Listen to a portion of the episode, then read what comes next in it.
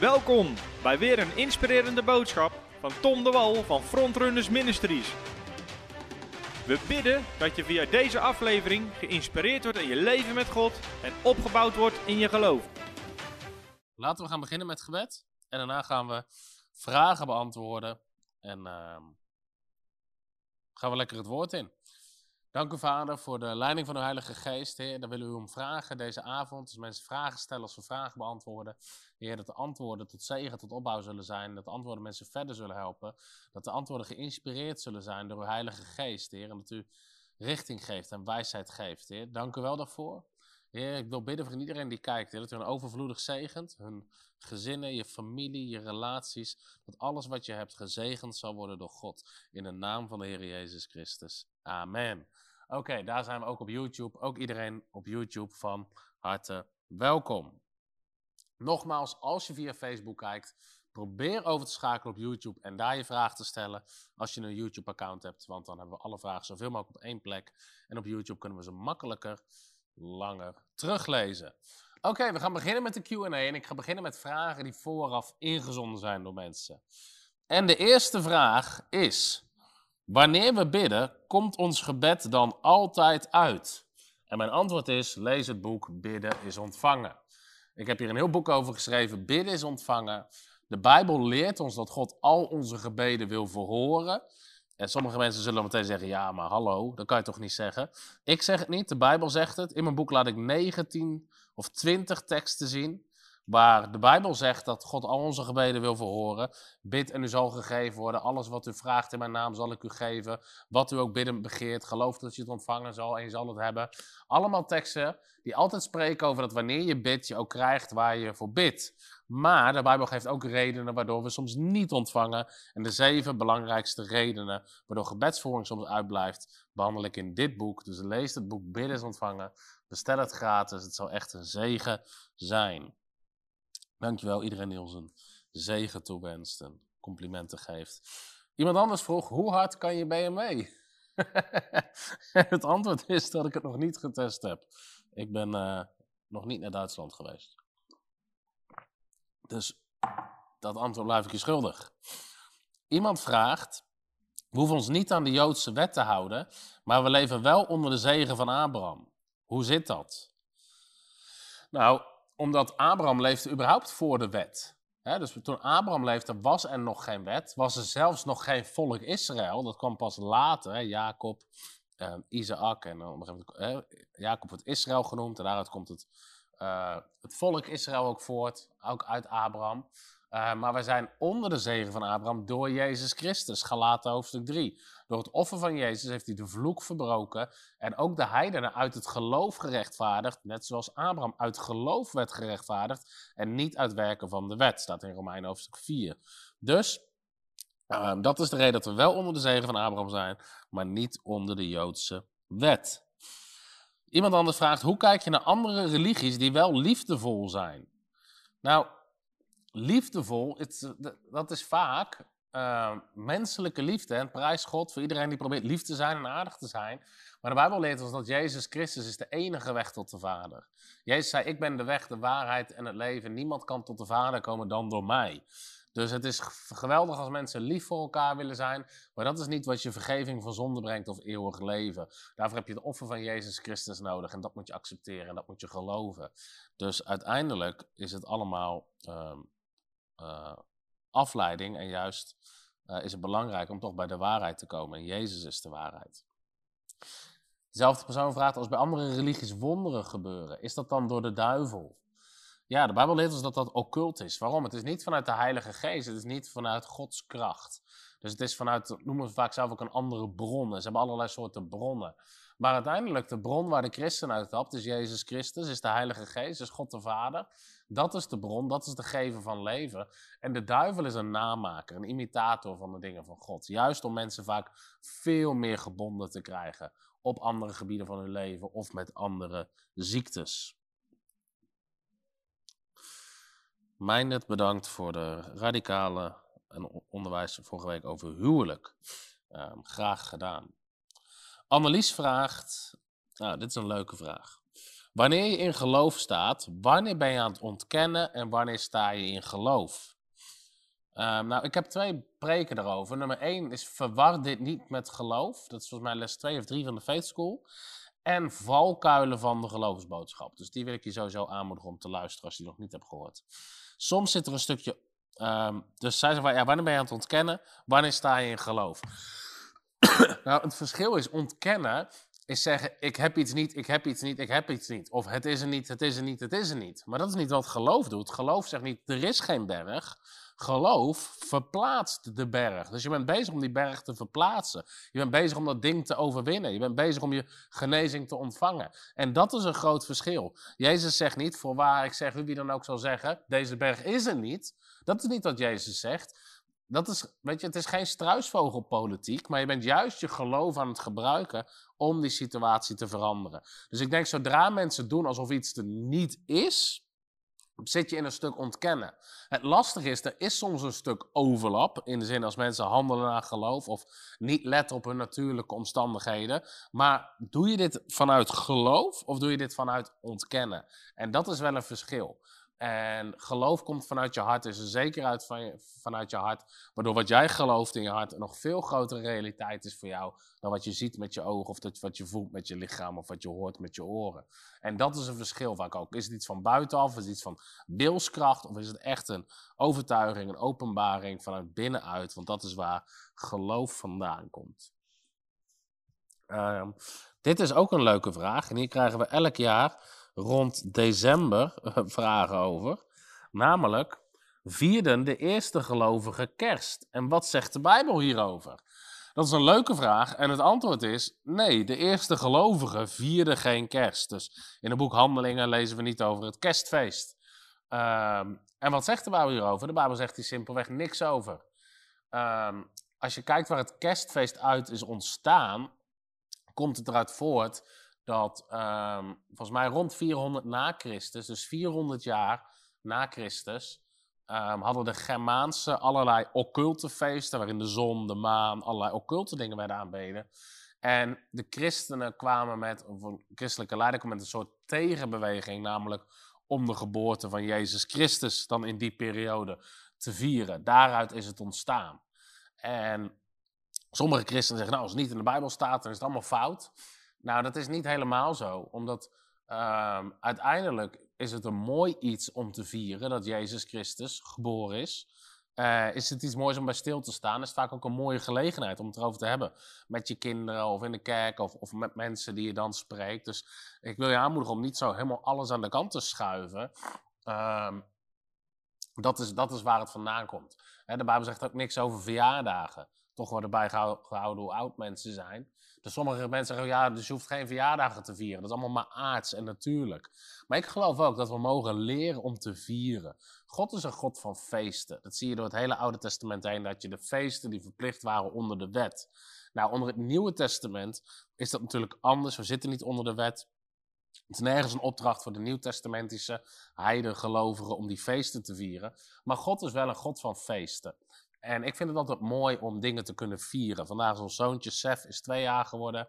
Weet je, dat vier je met hem. Waarom? Je bent dankbaar dat, uh, dat, dat hij er is. Je bent dankbaar met zijn leven. En dat mag je met elkaar vieren. En dat is ook waar de Bijbel natuurlijk wel spreekt over blij zijn met elkaar en verheugen met elkaar. En ik denk als daar gelegenheden voor zijn, moet je dat um, zeker doen.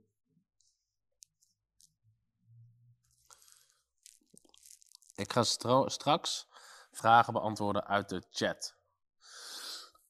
Ik wil eerst deze even proberen af te werken. Iemand zegt, belooft Jezus ons voorspoed, hier of straks in zijn aanwezigheid? Mijn antwoord is, zie mijn video's over voorspoed en financiën.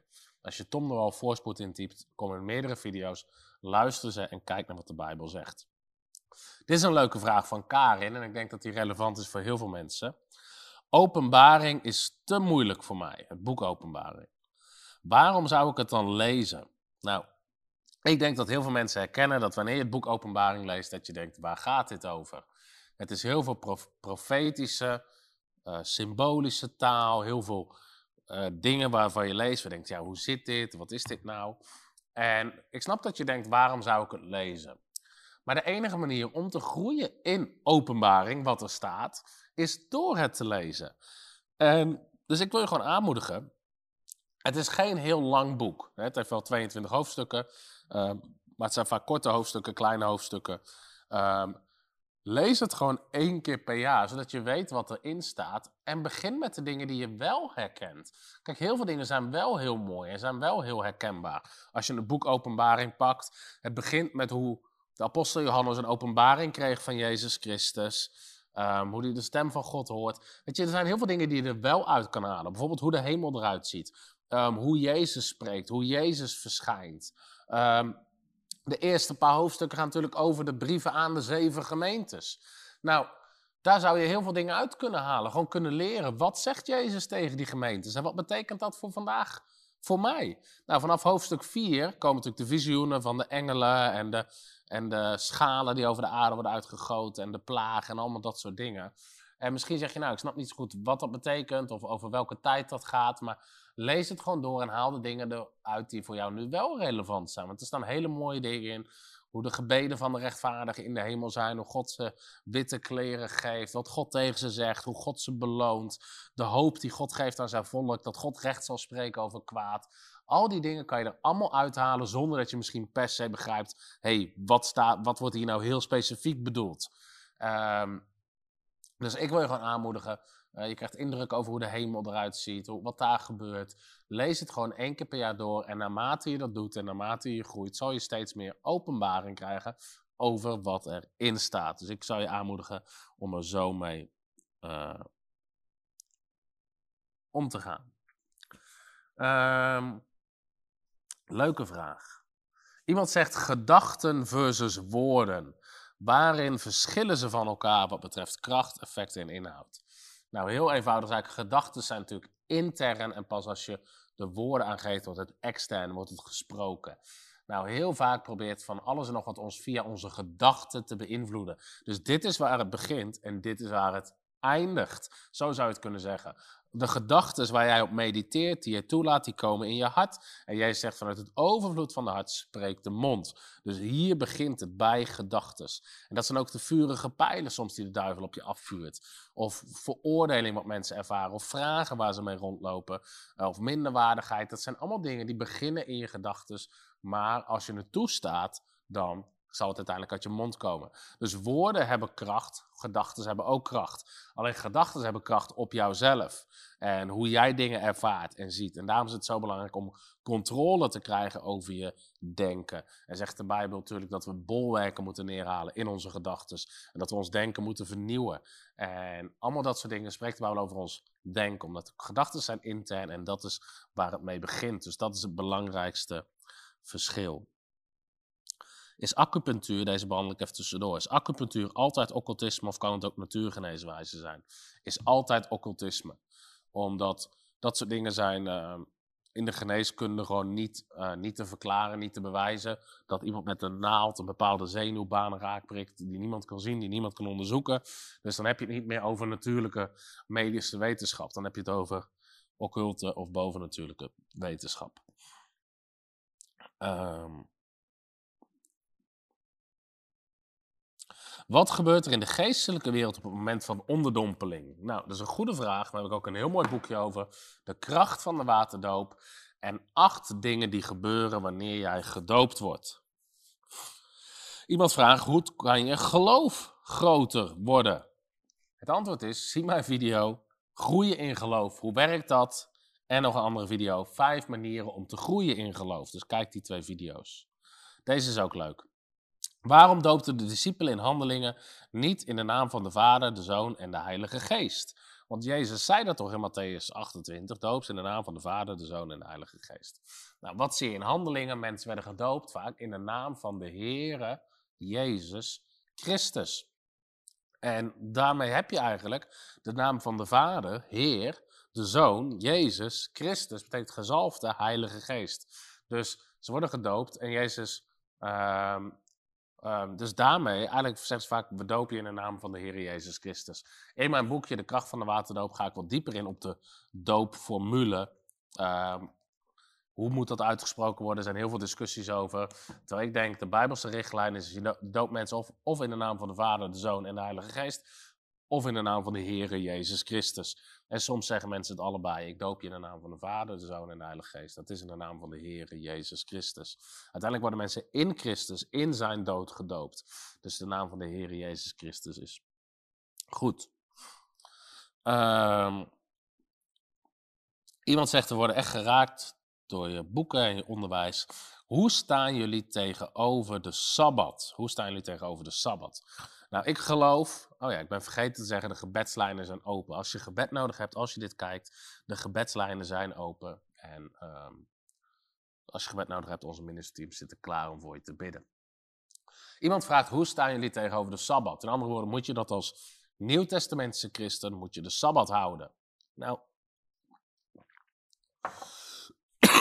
het antwoord is, ik geloof in het principe van de rustdag. Zes dagen zul je arbeiden, één dag zul je rusten. Ik geloof niet dat Nieuwtestamentische christenen de Sabbat moeten houden. En ik zal je uitleggen waarom. Ten eerste in Handelingen hoofdstuk 15, dan zie je een grote discussie in de, in de kerk. Wat moeten we doen met heidense gelovigen, dus niet Joden, die zich bekeerd hebben tot het christendom, die tot geloof zijn gekomen? Welke wetten en regels moeten zij onderhouden? Moeten ze besneden worden? En dan zegt de Bijbel in Handelingen hoofdstuk 15, vanaf vers 24. Wij hebben gehoord dat sommigen die bij ons vandaan gekomen zijn, u met woorden in verwarring hebben gebracht en uw zielen hebben verontrust door te zeggen dat u besneden moet worden en de wet moet onderhouden. Wij hadden hun daar geen opdracht toe gegeven. Nou, dan gaan ze verder. En uh, het heeft de Heilige Geest in ons goed gedacht, vers 28, u verder geen last op te leggen dan deze noodzakelijke dingen. Onthoud je van afgodenoffers, van bloed en van het verstikte. Is een bepaalde manier van offeren. En wat, uh, maar goed, ga ik nu even niet te diep in. En van hoererij. Dus zeggen deze drie dingen moet je ver van houden. Afgodenoffers, hoererij, dus seksuele onreinheid. En, het, en uh, bloed en het verstikte. Als u zich ver van deze dingen houdt, zult u juist handelen. En daarbij zeggen ze niet, oh ja, je moet, je moet wel even de Sabbat houden, je moet dit en je moet dat. Nee, dat soort dingen horen niet bij de opdrachten. Daarom zegt Paulus ook, ja, de ene um, hechtwaarde aan speciale dagen, anderen niet. Laat dan ieder in zijn eigen geest er volle van overtuigd zijn. Bovendien onderwijst Hebreeën hoofdstuk 4 ons dat de Sabbat verwijst naar Jezus Christus. Jezus Christus is onze Sabbat. Door Jezus Christus, ik zal het even snel lezen in Hebreeën hoofdstuk 4.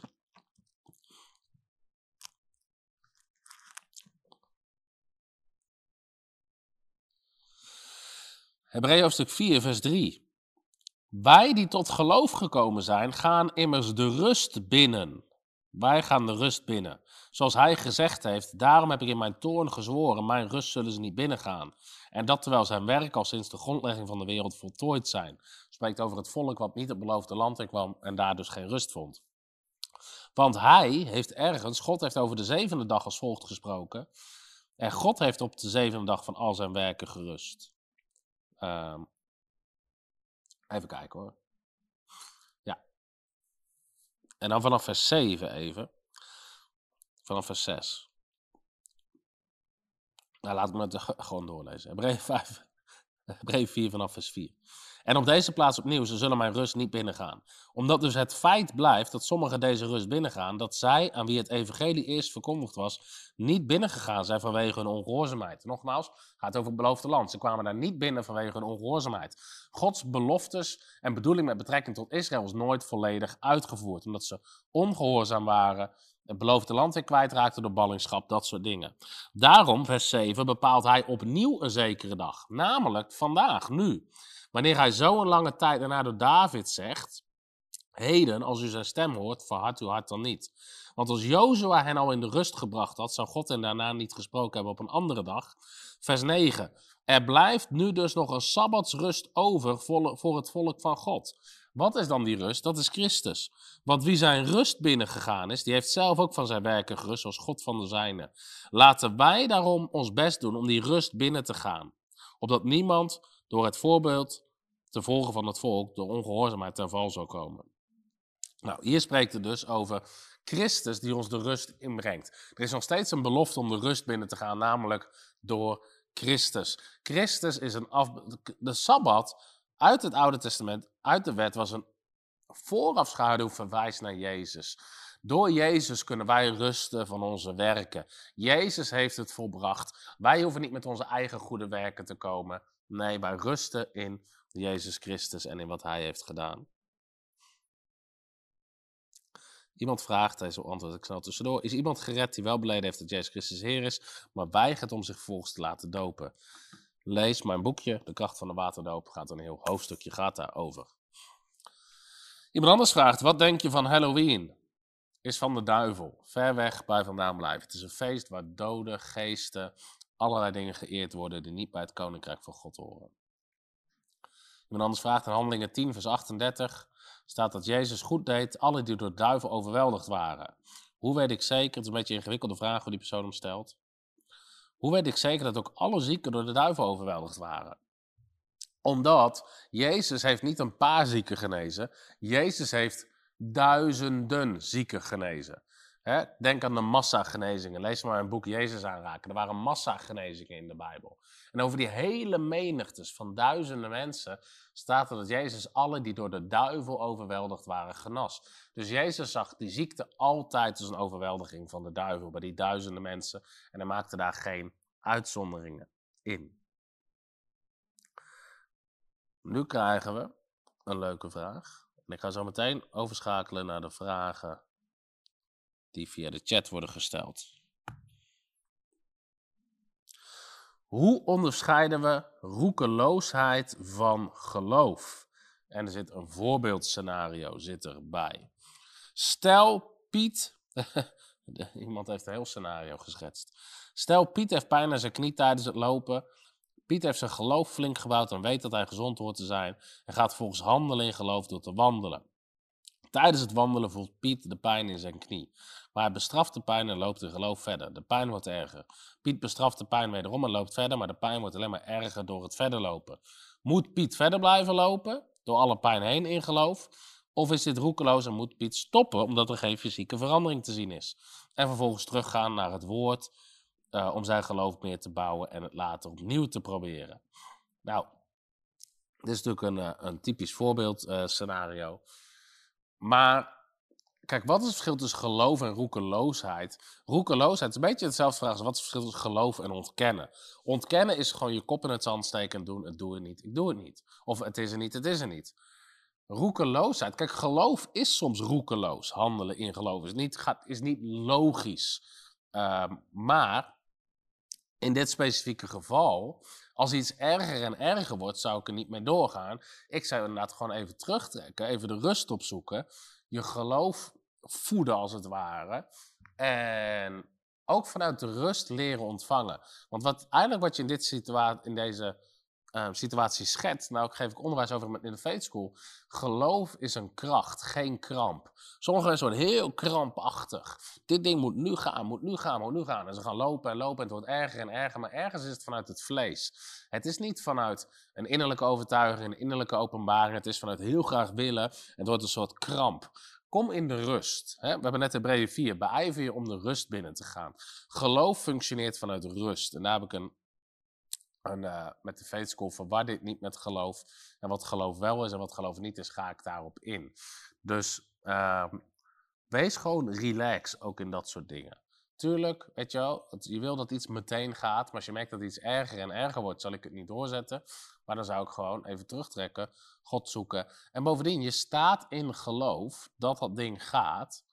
Uh, dus wees daar ook relax in. Ga niet moedwillig forceren in zo'n geval, maar sta gewoon in geloof. En soms juist als je gewoon in geloof staat, God dankt en er niet constant mee bezig bent in die kramp. Heel vaak ben je in één keer aan het lopen en in één keer is het weg. Of merk je het niet meer of wat dan ook. Omdat het gewoon vanuit relax en rust is gegaan.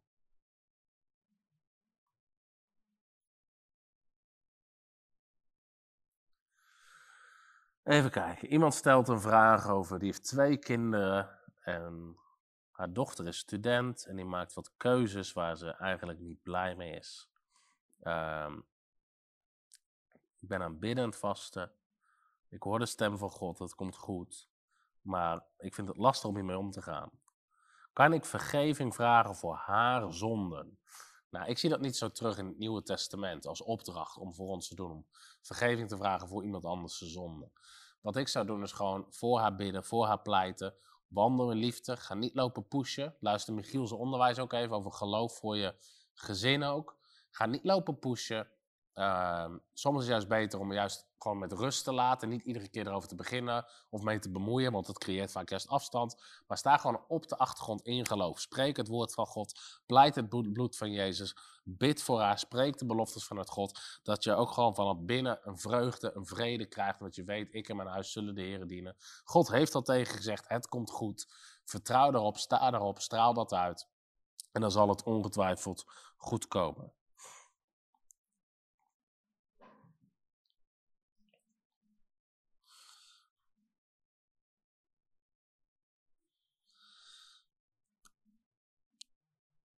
Iemand stelt een vraag over vasten. Wat is precies vasten? Niet eten, wel drinken of helemaal niks eten. Zie mijn onderwijsvideo's over vasten. Ik heb twee of drie onderwijsvideo's. Als je Tom de Wal vasten intypt, vind je ze.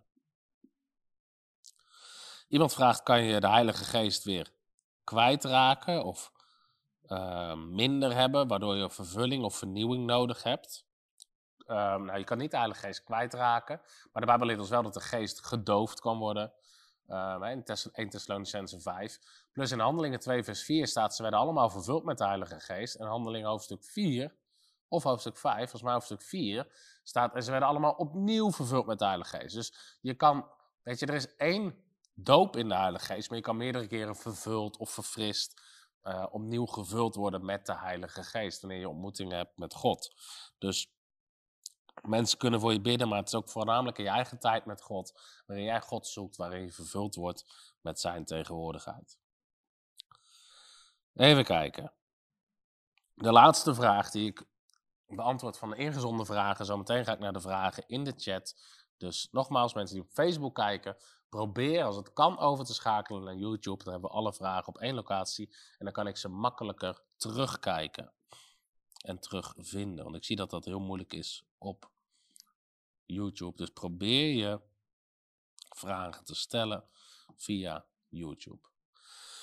Oké, de laatste vraag hiervan. Ik merk dat een van de valkuilen van wandelen in geloof is dat men hun gevoel en omstandigheden wegstoppen of ontkennen. Natuurlijk al twee vragen een beetje over beantwoord.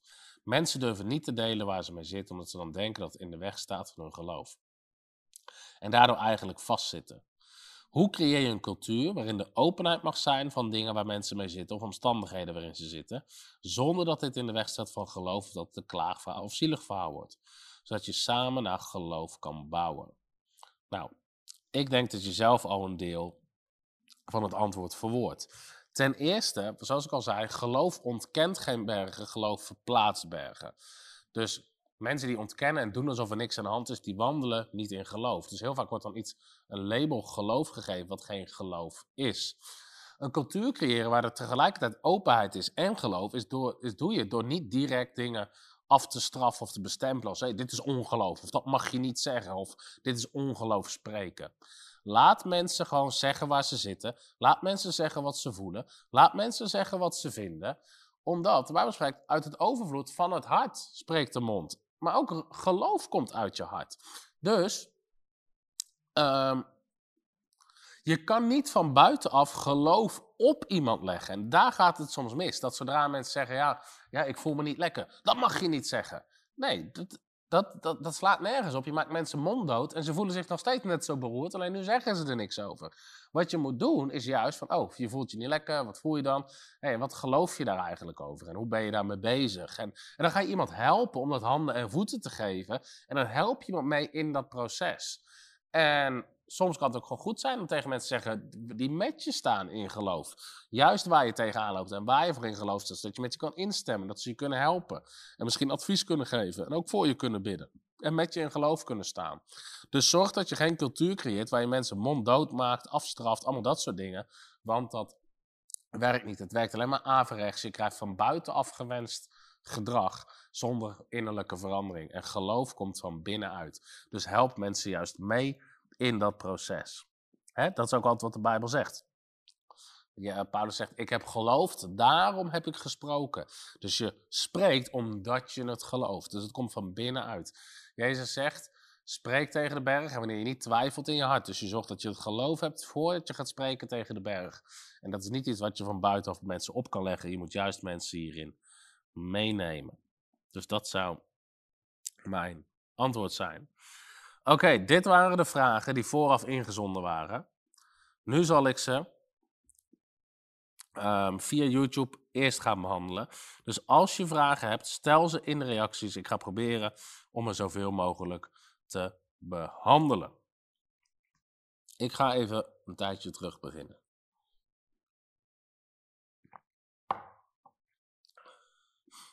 Neline vraagt: Wil je reageren op het C vandaag artikel? Ehm, iets specifiekere vraag. Dit is een over inhoudelijke dingen. Dat helpt meer dan ehm, een hele algemene vraag. Hoe onderscheid ik twijfels in mijn hoofd van twijfels in mijn hart? Nou, ik denk dat het belangrijk is om alle twijfels te weerleggen. En dus wanneer je merkt, ik ben aan het twijfelen, weerleg je dat. En stop je dat. En ga je op mediteren op de woord, zodat je daar je hart mee vult. En dan haal je zowel de twijfels uit je hoofd als uit je hart. En soms komt er een gedachte van twijfel in je hoofd, waar je in je hart gelooft. En dan weerleg je dat gewoon, dan sta je er tegenop. Als je merkt dat je van binnen nog zo onrustig bent, zo twijfelt, er eigenlijk geen geloof, ergens geen geloof voor hebt, is het ook goed. Wees er dan eerlijk over. En begin dan gewoon rustig. Gun jezelf de tijd met luisteren van preken over dat onderwerp, lezen van teksten, lezen van boeken. Gun jezelf ook de groeiproces. Geloof zoals een mosterdzaadje, het wordt gezaaid en dat begint op te komen. Maar dat is er niet altijd van de een op de andere dag. En bovendien, je hebt geloof in je hart, hè? dus je hebt de mate van geloof al. Dus reken af met die twijfel. Edward vraagt, mag je als christen bij iemand naar binnen gaan die in een ander geloof gelooft? Bijvoorbeeld hindoeïsme of boeddhisme? Natuurlijk, jij staat erboven, ook in de geestelijke wereld. Uh, jij hebt veel meer autoriteit in de geest. Weet je, de Heilige Geest woont in je, Christus woont in je. Weet je, God is met je, dus je kan overal naar binnen gaan zonder dat je bang hoeft te zijn.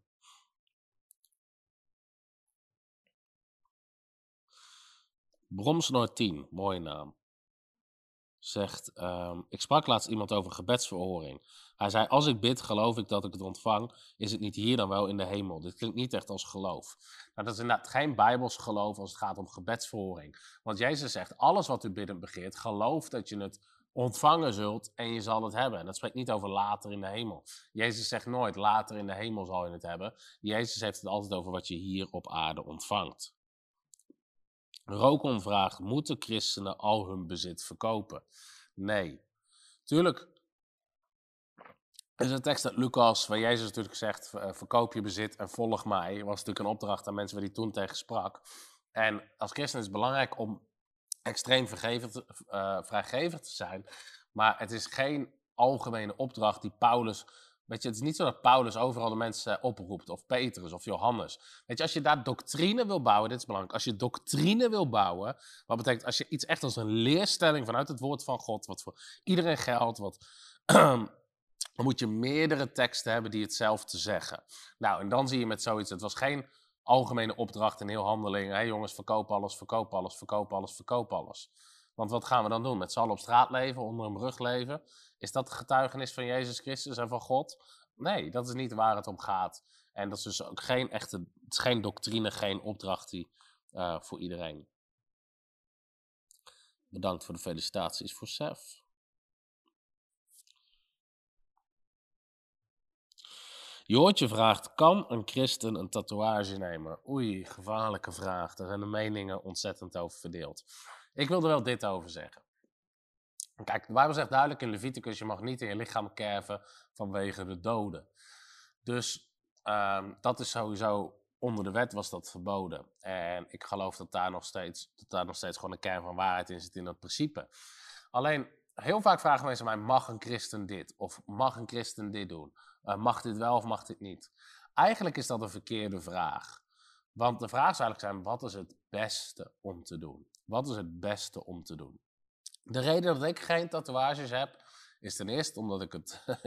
dus ik vind het niet mooi, ik heb er niet zoveel mee. Maar um, voor mij voor mij, voor wat ik doe, openbaar spreken, et cetera, zouden sommige mensen daar aanstoot aan kunnen nemen. En, zouden daar, en de Bijbel zegt, je mag niet zodanig gebruik maken van je vrijheid in Christus, zodat anderen daar aanstoot aan nemen. Dus in mijn geval is het überhaupt niet handig om dat te doen.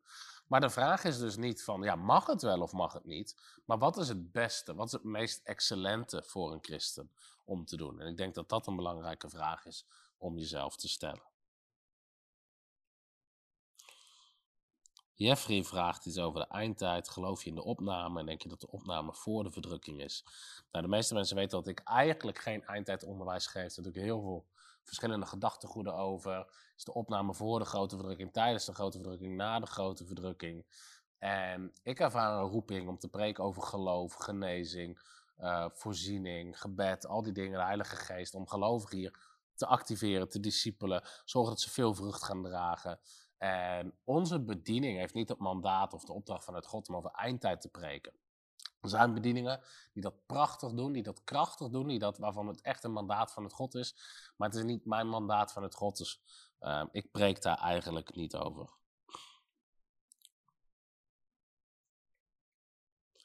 Hans zegt, is masturbatie een zonde? Ik kan er niets over vinden in de Bijbel. Ook daar zijn de meningen ontzettend over verdeeld. Um, het feit dat je er niet direct iets over kan vinden. Er is natuurlijk een, uh, een tekst uit het Oude Testament. Waar staat dat iemand zijn zaad verspeelde op de grond. En dat dat zeer kwalijk was in de ogen van God. Um, gaat niet direct daarover. Het gaat over dat hij eigenlijk een vrouw zwanger had moeten maken. Dat dat zijn verantwoordelijk was en, dat hij dat niet deed. Um, verder zijn er niet direct teksten die er iets over zeggen. Er zijn natuurlijk wel indirect teksten die er iets over zeggen. En ik denk dat dat vooral iets is waar jij in je wandel met God uit moet komen. Omdat ook dit zijn weer dingen die je van buitenaf opleggen, werkt niet bij mensen. Um, dus um, ga zelf gewoon, zoek God erin. En wat zegt God erover? En de Bijbel heeft wel heel veel dingen te zeggen over alles wat eerbaar is, alles wat rechtvaardig is, alles wat heilig is. Bedenk dat soort dingen. En dus er zijn teksten die natuurlijk indirect die erop toe zou kunnen passen. Uh, maar er zijn niet direct teksten die er iets over zeggen. En daarom maakt het ook heel lastig om te zeggen: van, Nou, kijk, hier staat het, het mag niet. En er zijn andere christenen die heel fel over te onderbouwen waarom het, waarom het wel mag. En daarom is het belangrijk dat het jouw persoonlijke openbaring is, omdat het woord misschien iets minder duidelijk er iets over zegt. Uh, maar uiteindelijk zijn, zal, zal ook de Heilige Geest je hierin, uh, hierin leiden. Kijk, wel denk ik dat God heeft seks niet bedoeld uh, uiteindelijk um, om, je, om jezelf te bevredigen. Uiteindelijk is het iets wat je in je huwelijk geeft aan je, uh, aan je partner. Um, maar goed, nogmaals, ik snap dat er voor sommige mensen hele complexe situaties soms achter zitten. Um, maar goed, daar kan ik nu niet te diep op ingaan.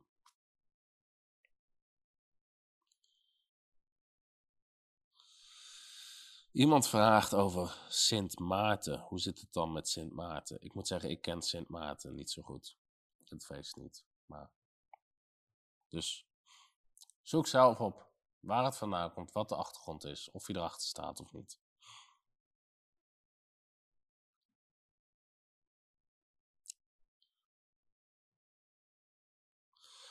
Iemand zegt, hoe kijk je naar bloed doneren bij de bloedbank? Ik denk erover na, maar de Bijbel geeft bloed ook een bijzondere status. Uiteindelijk eh, is het wat Jezus deed. Jezus doneerde bloed voor ons. Door zijn bloed zijn wij geheiligd en gerechtvaardigd. Ik denk dat het een mooi iets is. Ik zou niet direct weten wat daar een uh, bezwaar tegen zou zijn.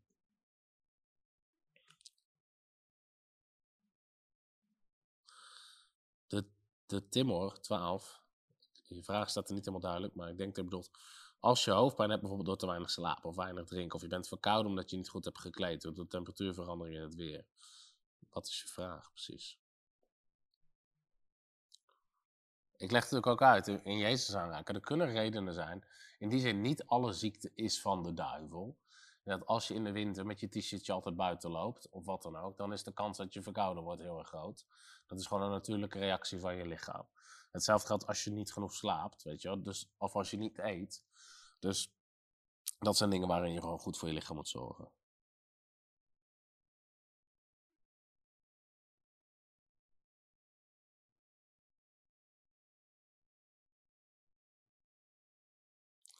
Jelte stelt een vraag, maar ik denk dat ik maar dat ik niet alles meekrijg. Misschien kan ik hem opnieuw stellen, Jelte.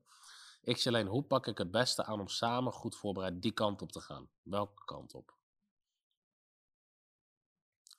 Beste Tom, hoe belangrijk is atmosfeer voor jou tijdens diensten? Nou, atmosfeer, waar ik het meest geïnteresseerd in ben, is salving, is de Heilige Geest. En soms is het muisstil, maar is God krachtig aan het werk. Soms is er heel veel herrie en is, weet je, en is er weinig salving. Dus je zit niet op atmosfeer, je zit op salving. Wat is de Heilige Geest aan doen? Komt het woord aan wat je preekt? Um, en dat gaan mensen mee in aanbidding. Je weet, als mensen meegaan in aanbidding, als dat losgaat, is er veel meer openheid. Dus in bepaalde mate is atmosfeer belangrijk. Als je het wat breder trekt. Je wil geen dode dienst, waar iedereen met armen over elkaar zit, je aan te staren en niet reageert. Hoe meer openheid er is, en openheid zal altijd blijken in hoe mensen erbij zitten, hoe mensen reageren, hoe mensen aanbidden, hoe mensen meedoen met wat er gebeurt. Dus in die zin is atmosfeer belangrijk.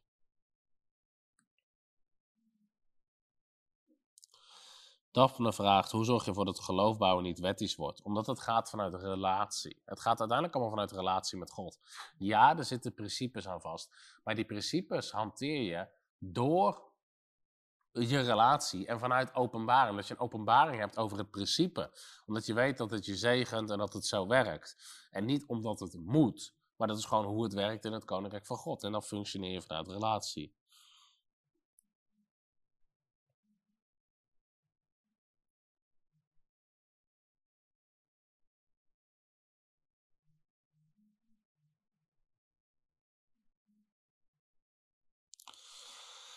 Jelte stelt de vraag over uitverkiezing. Ik ga een stukje over uitverkiezing, uitverkiezing in mijn boek Supermens. En inderdaad, er zijn teksten die spreken over uitverkiezing. Maar daartegenover staan veel meer teksten die zeggen dat God, die, dat God iedereen wil behouden. Uh, al zo lief van God de wereld dat een ieder. En God wil dat alle mensen tot kennis van de zaligheid komen. God wacht tot alle Weet je, dus er zijn zoveel teksten die daarover spreken. En heel vaak, als de Bijbel spreekt over uitverkiezing, spreekt het erover dat we uitverkoren zijn in Christus. Dus heel vaak gaat uitverkiezing in de Bijbel niet zozeer over wie gered wordt, maar wie God heeft gekozen als middel voor redding. Nou goed, in, uh, in mijn boek uh, Supermens ga ik daar wat dieper op in.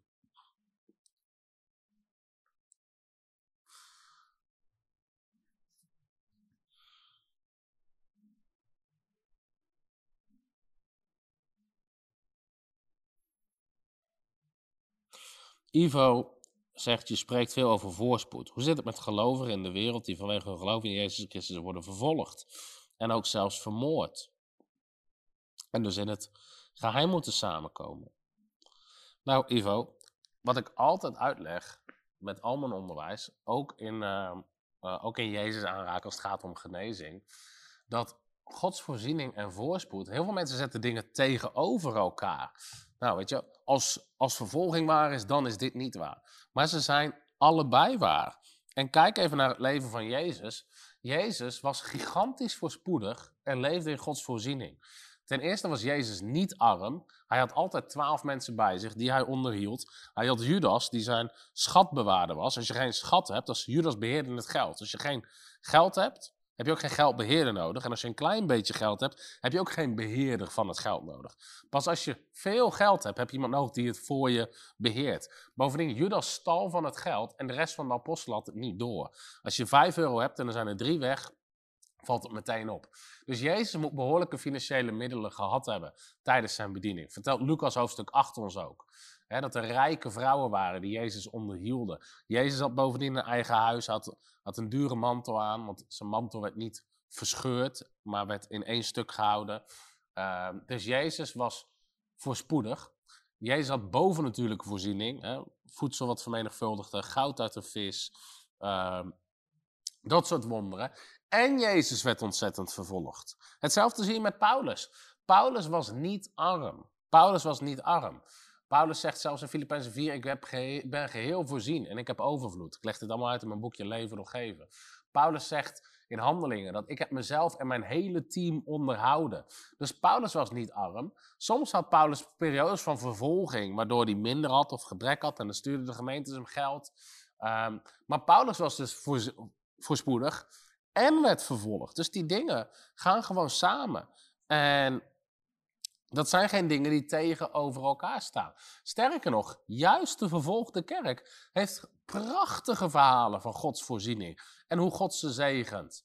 Dus het zijn juist dingen die naast elkaar staan, die je niet tegenover elkaar moet zetten. Tom, je moet even je sorteren zetten op live chat. Hoe doe ik dat? Oh ja, dankjewel. Ik zag top chat en live chat. Ah, dankjewel voor de tip. Wie gaf hem? Maakt het niet uit.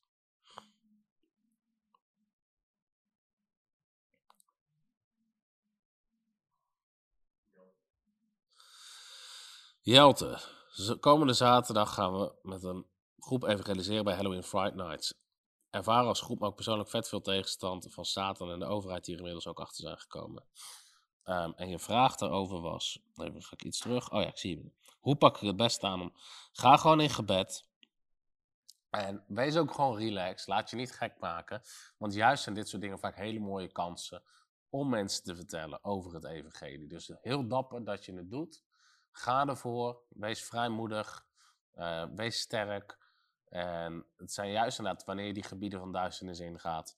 Maar het zijn ook weer hele mooie kansen waar juist de liefde van God kan schijnen. En ik weet, er zijn ook video's en je kent ze zelf waarschijnlijk ook wel van mensen die juist op hele duistere hardcore feesten, death metal feesten, uh, occulte beurzen, juist daar is vaak zoveel ruimte voor het evangelie. En uh, soms kan je heel praktisch een link van, joh, Nee, ik zie dat je Halloween viert. Is natuurlijk een teken van de dood. Heb je er wel eens over nagedacht als je zelf sterft, waar de eeuwigheid door zal brengen? Boom. Je pakt het meteen aan waar ze mee bezig zijn. En heel veel mensen hebben last van demonen. Je ziet allerlei dingen, geesten, spoken. Heb je zelf er ook last van in je leven? En je zal je verbazen hoeveel mensen zeggen, ja, heb ik last van. En je bidt voor ze en ze worden bevrijd.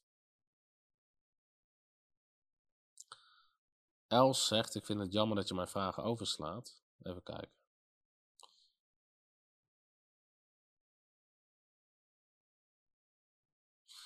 Het komt Els omdat het geen hele duidelijke vragen zijn. Dus ik zie niet echt. Um...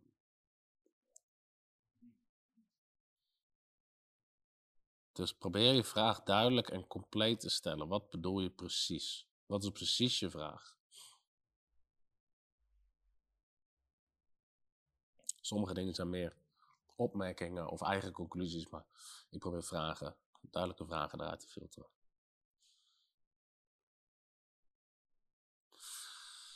Even kijken.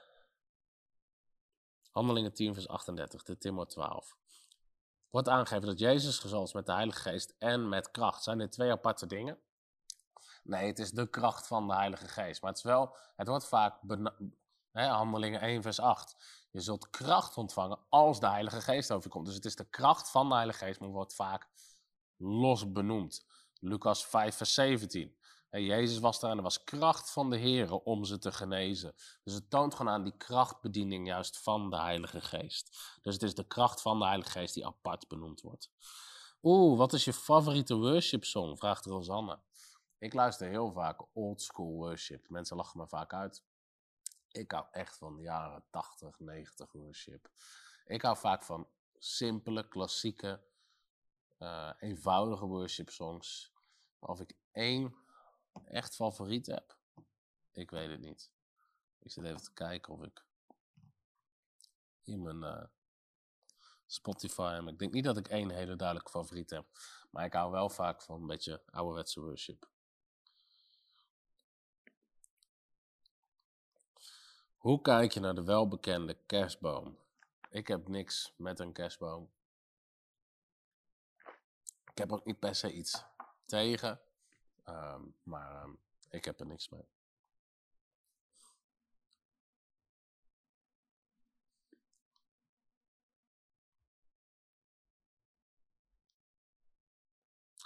Nou, Timo, soms komt bevrijding in delen. Worden mensen eerst van dit bevrijd, daarna van dat, daarna van dat soort dingen. Uh, fobieën, angsten kunnen zeker demonisch zijn. Hè? De Bijbel spreekt over een geest van angst.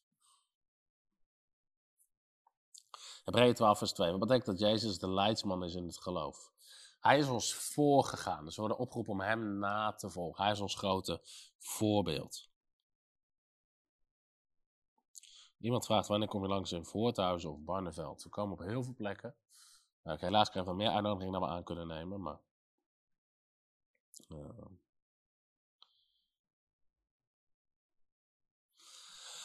als je als christen een kindje krijgt wat ernstig gehandicapt is, dat is de vraag van Els. Hoe moet je daarmee omgaan? Um, ja, hoe moet je daarmee omgaan? Kijk, dit zijn zulke en hele specifieke en hele persoonlijke vragen. Dus waar ben je precies naar op zoek? Bedoel je van, ga je in geloof staan voor genezing? Of dus wat, wat bedoel je, zeg maar, wat is de achterliggende vraag achter je vraag?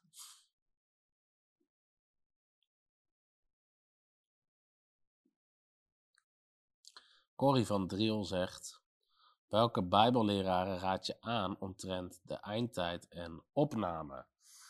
Um, goede vraag, Corrie. En ik moet zeggen dat ik zelf weinig erover luister of lees. Dus ook niet heel goed op de hoogte ben van um, wie wat precies onderwijst. Dus ik kan je daar geen heel goed antwoord op uh, geven.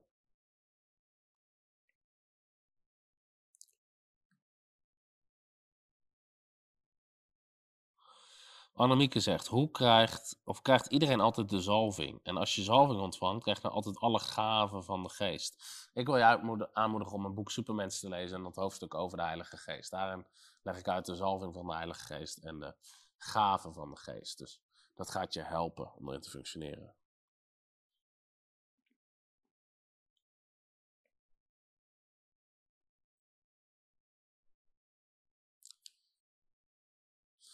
Uh, Jonathan, ik denk dat, dat dat iets te ver gaat.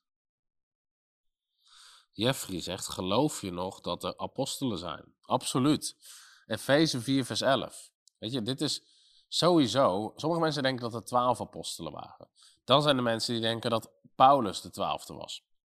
Maar de Bijbel spreekt over veel verschillende apostelen. Heel veel mensen in de Bijbel worden apostel genoemd. Niet alleen de twaalf discipelen of alleen Paulus. Vele anderen worden ook apostelen genoemd. Je kan het opzoeken wie in de Bijbel allemaal letterlijk bij naam apostel genoemd werden. Maar Efeze 4, vers 11 zegt God heeft de vijfvoudige bediening gegeven. Apostelen, herders, leraren, profeten, evangelisten. En er staat bij tot wanneer die er zijn. En dan moet je concluderen dat het ook voor vandaag de dag is. Waarom? Christus heeft die gaven niet teruggetrokken. We hebben nog steeds die gaven nodig, vandaag de dag. En het zijn niet apostelen zoals de twaalf apostelen van Jezus destijds. Maar het is nog steeds wel de apostolische bediening. Dus het zijn niet apostelen die, bedoel, of, of die, die de Bijbel schrijven. Daar gaat het niet om. Het gaat een opdracht die God geeft aan apostelen.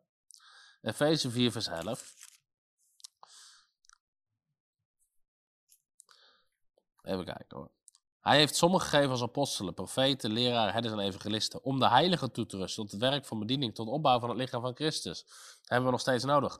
Totdat wij alle komen tot de eenheid van het geloof, van kennis van de Zoon van God. En tot een volwassen man, tot de maat van de grootte van de volheid van Christus. Totdat, weet je, totdat die volheid van Christus, tot die volwassen, tot het volwassen lichaam van Christus er is. Hebben we die vijfvoudige bediening heel hard nodig. Dus ja, ik geloof 100% nog steeds dat er apostelen zijn. Bovendien, even een ander nog argument, er is veel meer over te zeggen. Ik, uh, ik heb er een onderwijsvideo over trouwens. Volgens mij heet het cessationisme weerlegd. Ik heb ook een bijlage in Supermens. Maar het boek Openbaring prijst de kerk, een van de kerken, omdat ze valse apostelen onderscheiden. In andere woorden, er zijn ook echte. Als er geen echte meer zouden zijn, in de tijd waarin openbaring werd geschreven, was het heel makkelijk. Er zijn geen apostelen meer, dus iedereen die zich apostel noemt is vals. Nee, ze moesten leren valse apostelen te onderscheiden.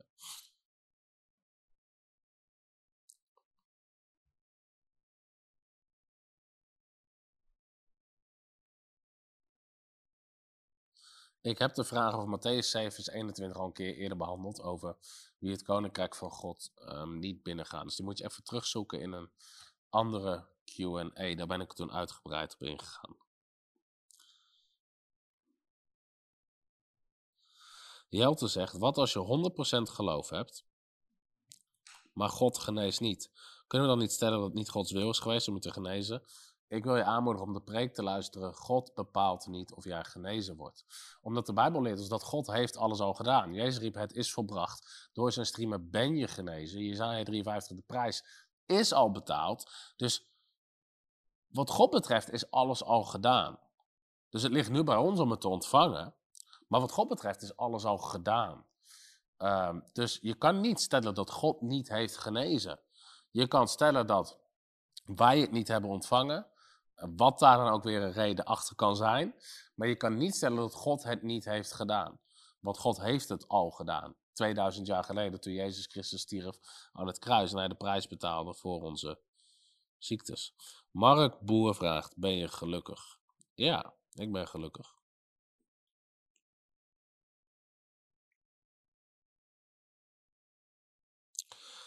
HODV zegt Bijbel lezen zonder uitleg of onderwijs vind ik lastig.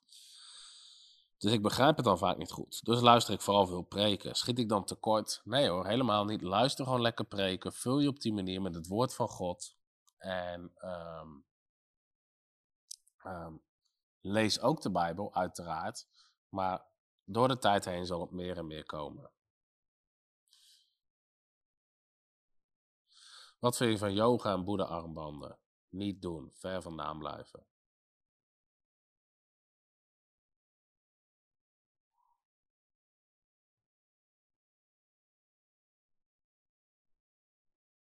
Hans vraagt, mag ik mijn tiende mijn eigen bediening geven? Nee, bedieningen geef je, tiende geef je altijd aan een ander. En als bediening hoor je ook weer tiende te geven. De Levieten gaven de tiende van de tiende. Dus het, uiteindelijk geef je het niet aan jezelf, ook niet in de vorm van, maar het is voor mijn eigen stichting. Uh, nee, tiende zijn, weet je, geef je aan een ander. Dat is het principe van geven.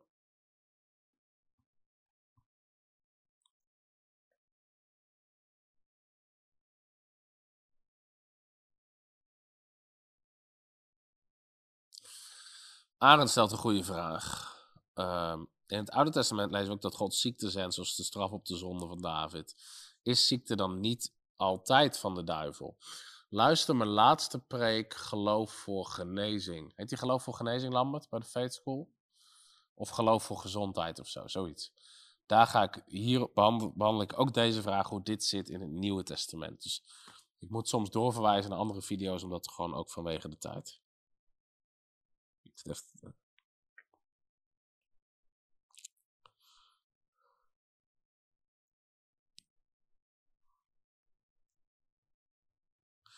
Sjaak zegt, hoe ga je om met mensen die zeggen, dit is voor, alleen voor Israël? Nou, um, ligt natuurlijk aan waar ze dat over zeggen.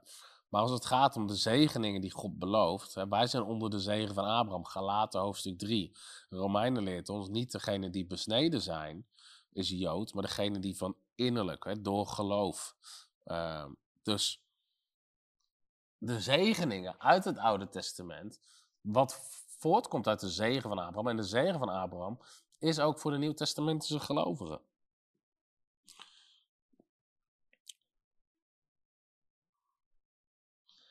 Anne Rutgers zegt, hoe ga je om met religie in je gemeente? Heb ik ook een video over religie, de grootste vijand van de Heilige Geest. Waar ik er diep op inga. Ik ga zo meteen afronden, dus als mensen nog belangrijke vragen hebben, stel ze vooral via YouTube, want Facebook is heel moeilijk terug te zoeken.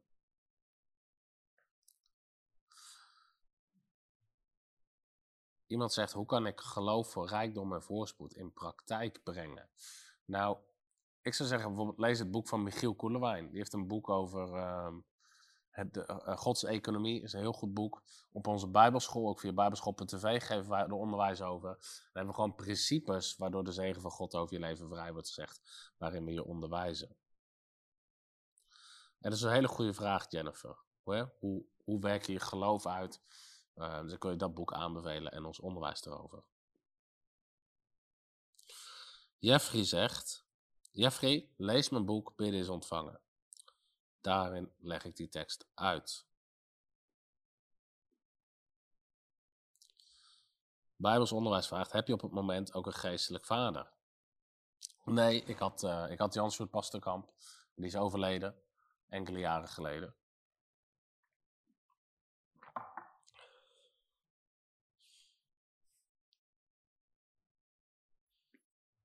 Freddy vraagt, mag je als christen een tatoeage? Die heb ik al beantwoord. Zijn er nog meer vragen, andere vragen, specifieke vragen? En anders ga ik zo afronden.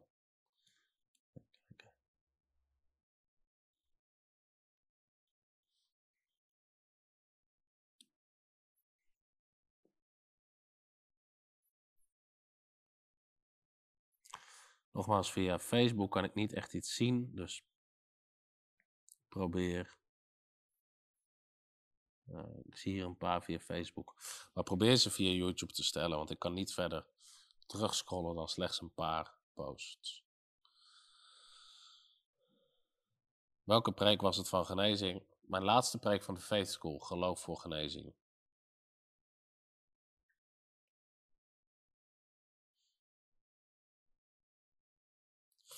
Waren de tiende voor de tempel waar de priester dienst geven. Zie mijn video over wat zegt het Nieuwe Testament over tiende.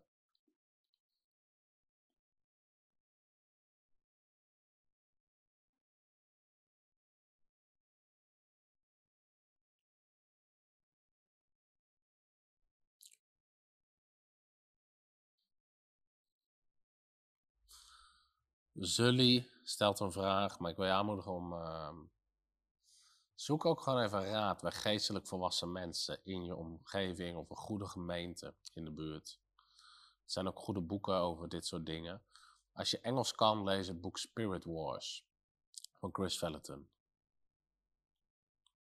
Goed Macedonië. Zijn er nog nieuwe vragen? Ja, je kan het gewoon even terugkijken, Freddy. Dankjewel Corrie voor de complimenten. Timor stelt ook een vraag over de opwekking van Lazarus. Ook daarin leg ik uit in mijn boek Bidden is ontvangen.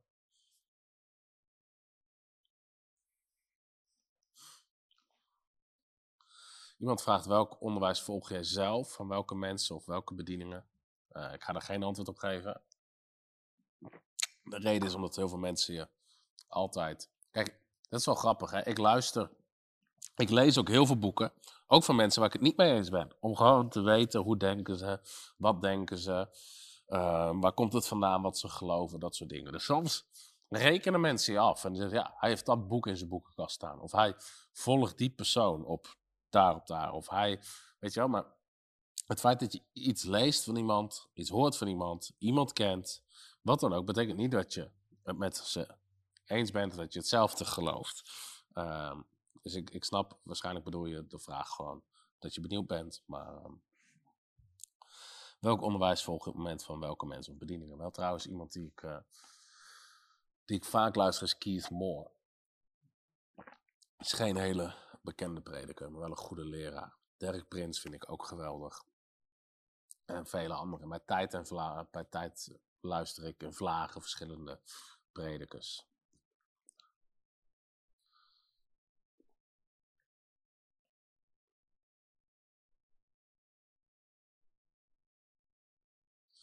Als je niet verder komt, Saskia, is het vaak beter dan aan een dood paard trekken.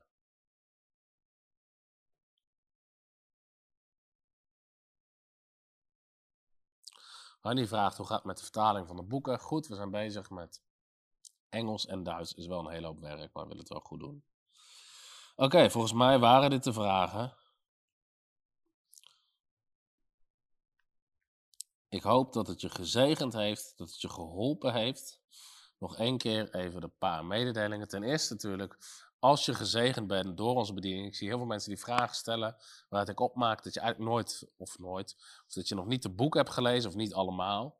Of uh, wat, nog wat minder preek hebt. Luister onze preken via Spotify. Bestel de gratis boeken gewoon in onze webshop. Ga je lezen, ga je erin verdiepen. Het gaat je echt zegenen. Alles is gratis, ook op YouTube. Wil je onze part-time bijbelschool volgen? Dat kan fysiek vanaf januari hier weer gratis. Meld je snel aan, iedere maandagavond met uitzondering van de schoolvakanties.